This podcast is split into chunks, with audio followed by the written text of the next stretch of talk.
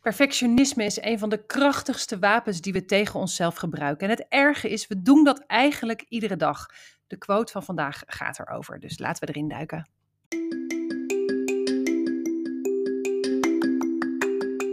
Hey leukert, welkom bij deze aflevering van Evi's Waanzinnige Podcast. Zoals iedere aflevering start ik met een waanzinnige zin en vertel ik je waar hij mij toe inspireert op het gebied van persoonlijke groei, helemaal jezelf zijn en natuurlijk allerlei nerdy die me te binnen schieten. Laten we erin duiken.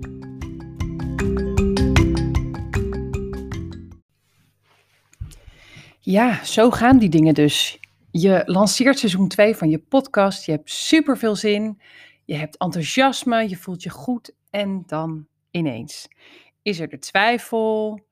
Doe ik het wel goed? Voeg ik wel waarde toe? Willen mensen dit wel horen? En voor je het weet maak je drie weken lang geen podcast. Ja, zo liep het dus ook even bij mij. En ehm, toen ik me dat realiseerde uh, vanmorgen, dacht ik, laat ik even wat support zoeken met perfectionisme. Want dat is waar die bij mij vandaan komt. En hey, er rolde natuurlijk een prachtige zin naar binnen via Pinterest. Want op Pinterest kan je altijd rekenen. En uh, daar wil ik het met je vandaag over hebben. De zin voor vandaag is: Perfectionism is self-abused in the highest order. Um, perfectionisme is eigenlijk um, zelf. Ah, abuse, even het woord zoeken in mijn hoofd.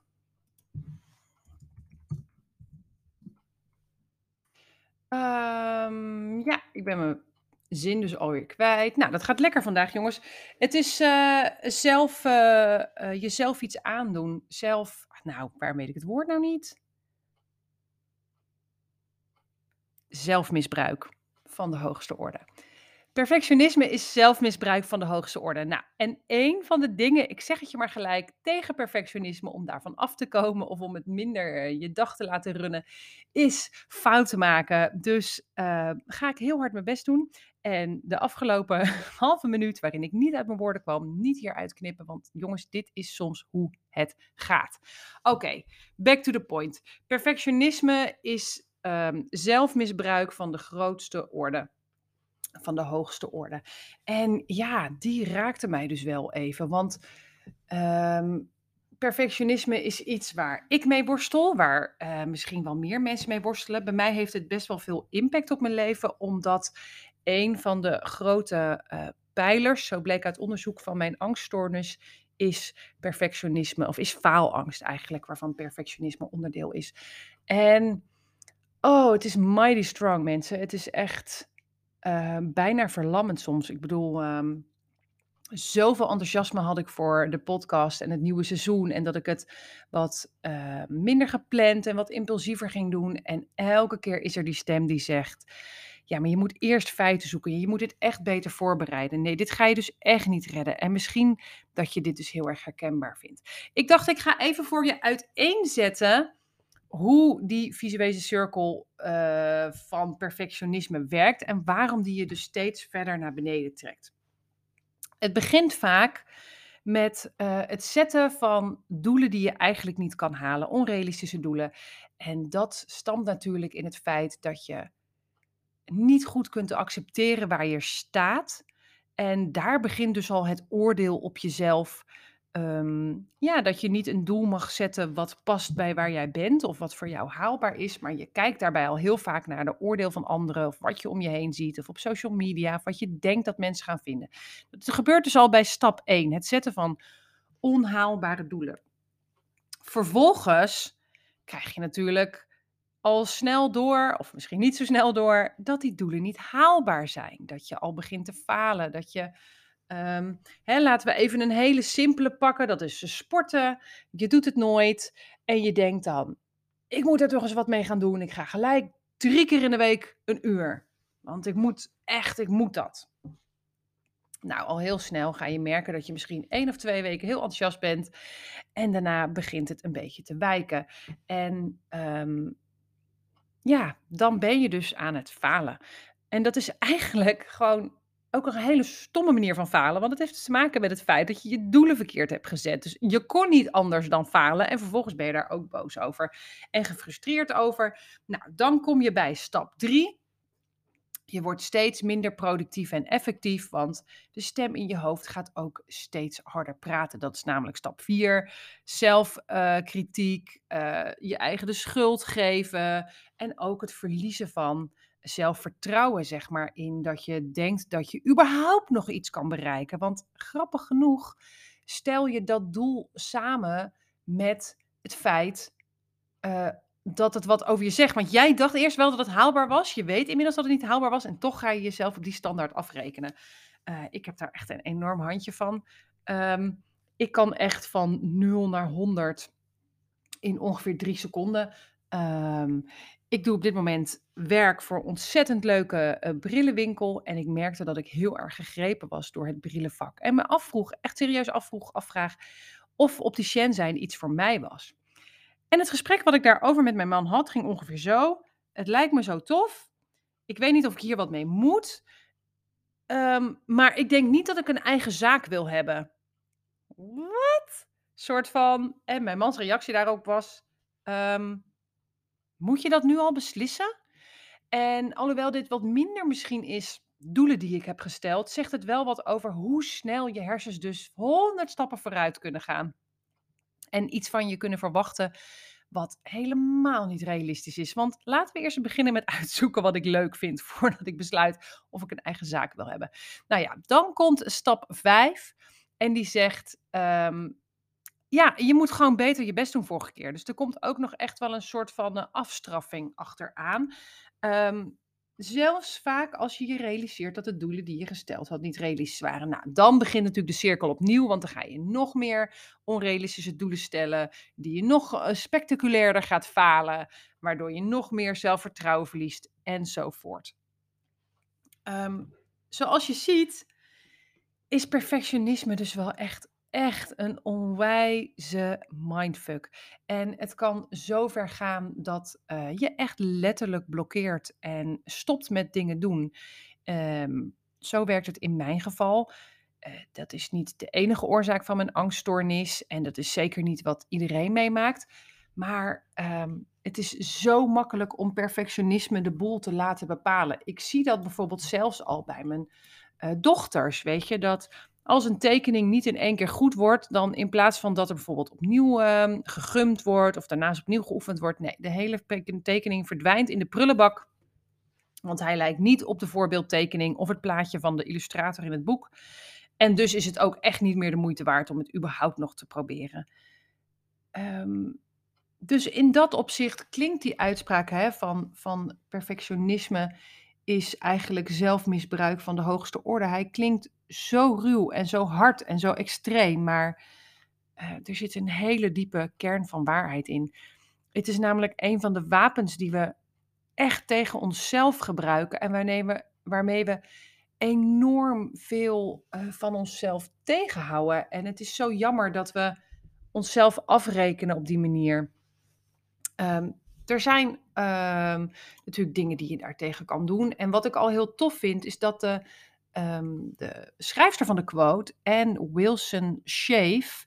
Zij is uh, ja, een therapeut of spreker, kan dat niet helemaal goed terugvinden, want ik wilde niet te perfectionistisch zijn over deze aflevering. Maar in ieder geval, um, zij is bedenker van een uh, levensvisie die heet Living in Process. Oftewel, uh, leven terwijl je in het proces van het leven bent. En uh, zij schrijft op allerlei manieren over, um, ja, over psychologie, over de samenleving en de combinatie daarin. En um, gewoon alleen al het woord living in process of de zin, super mooi, want het gaat er dus gewoon gelijk al van uit dat je altijd een work in progress bent. En niet zozeer, uh, tenminste dat is de associatie die ik ermee krijg. En dat je dus altijd aan het groeien bent en altijd jezelf mag zien en nemen op de plek waar je bent en vanuit daar mag starten, zeg maar. Um, het is zo makkelijk, zeker in onze maatschappij, om altijd maar te kijken naar de andere, uh, naar um, hè, hoe ver iemand op Instagram of andere social media al is. En te denken dat dat de realiteit is. En hoe meer we in die wereld zijn en hoe minder we in onze eigen wereld zijn, hoe minder we durven te delen, hoe kwetsbaarder we ons voelen om tegen onze partners of vriendinnen of vrienden te zeggen: Hé, hey, eh, ik heb hier moeite mee. Ik bedoel, moederschap is daar ook weer echt zo'n perfect voorbeeld van. Ik denk dat 100% van de moeders worstelt met moederschap en vaders misschien ook wel. Zou eigenlijk wel moeten.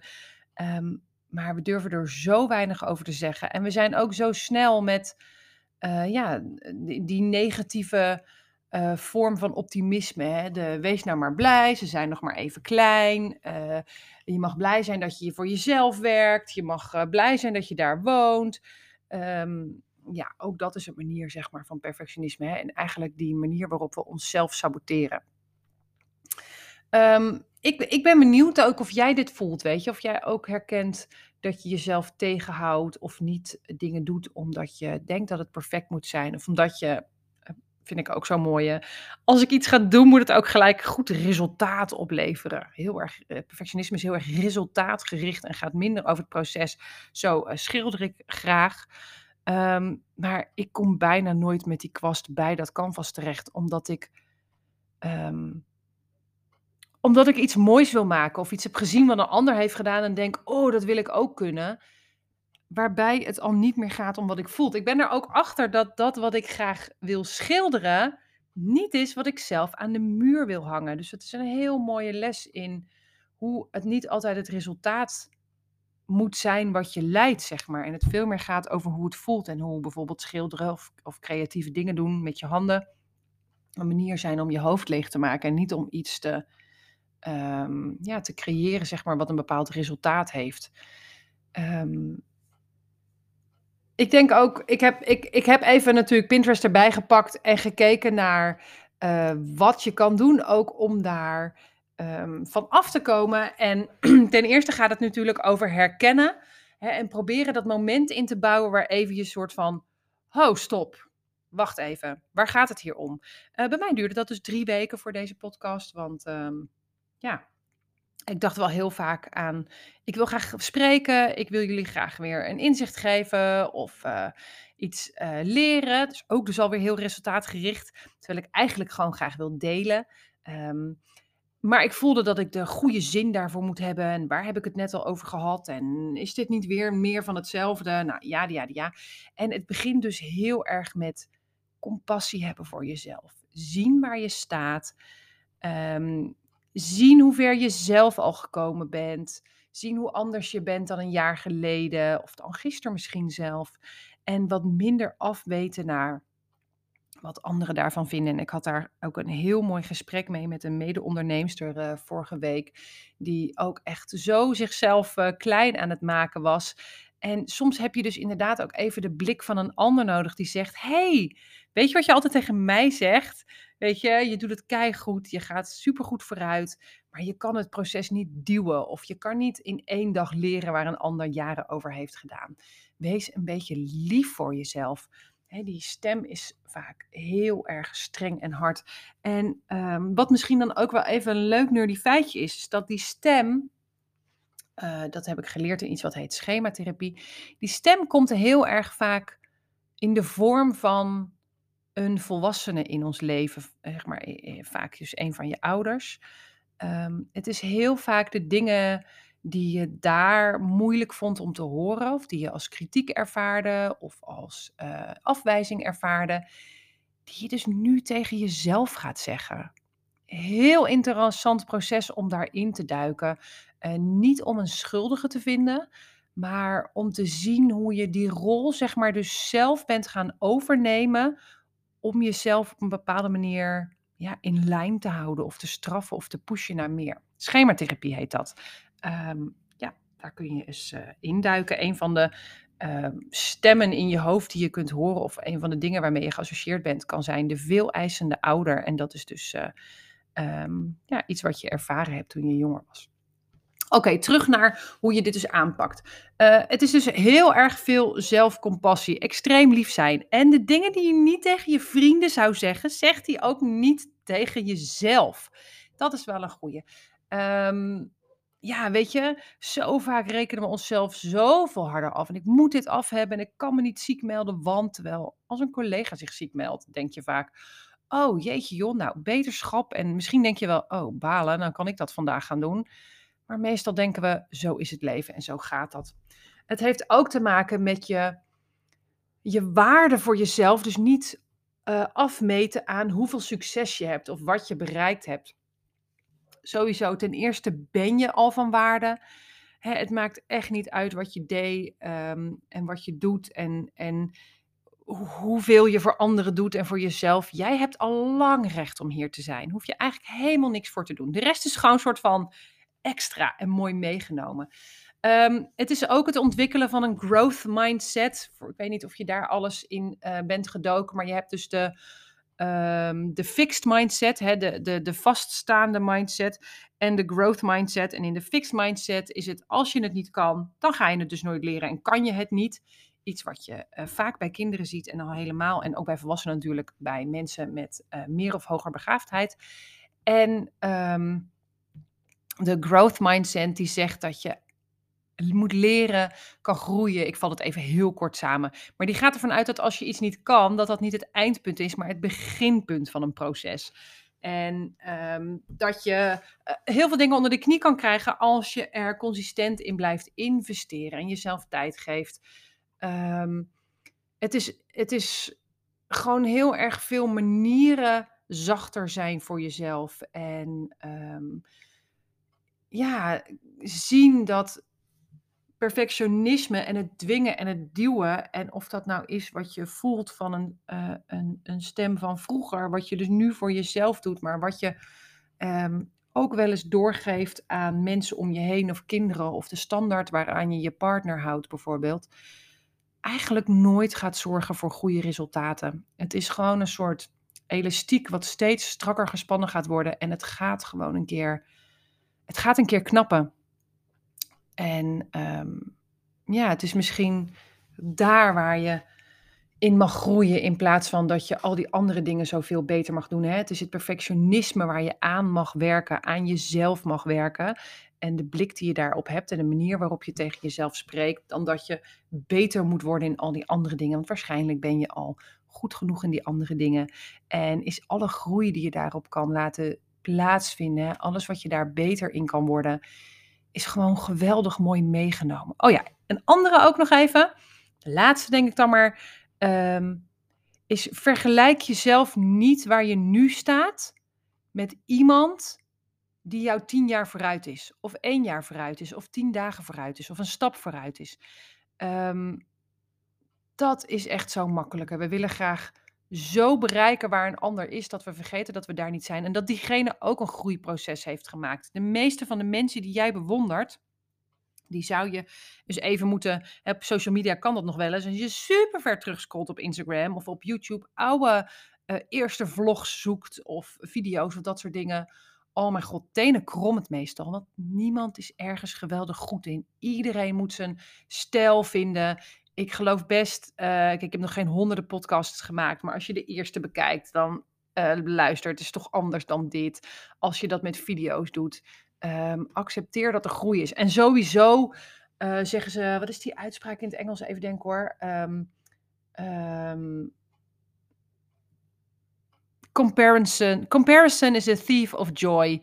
Vergelijken is de grootste dief van joy zijn, van vrolijk zijn, van plezier hebben. Echt zodra je opzij gaat kijken wat een ander ervan zou vinden, hoe een ander het doet, ben je, ben je als zo, als een knip met je vingers, ben je je plezier kwijt. Het is echt de kunst voor een gelukkiger leven om bij jezelf te blijven. En natuurlijk ook de kunst om helemaal jezelf te zijn en meer jezelf te zijn, is wel echt durven zijn bij jezelf. Dus Hey, perfectionism is self-abuse of the highest order. Dat was de zin van vandaag. En uh, ik hoop dat ik je daarmee inspiratie heb gegeven om zachter naar jezelf te kijken en naar de mensen om je heen. En uh, een klein stapje dichterbij te raken bij helemaal jezelf zijn. Ik wil je ontzettend bedanken weer voor het luisteren. Wil je op deze aflevering reageren? Dan is er altijd een post te vinden op Instagram. Um, en ik zou zeggen, tot de volgende podcast. Hopelijk wat sneller dan de afgelopen paar podcasts. Maar uh, hey, you never know. Doei!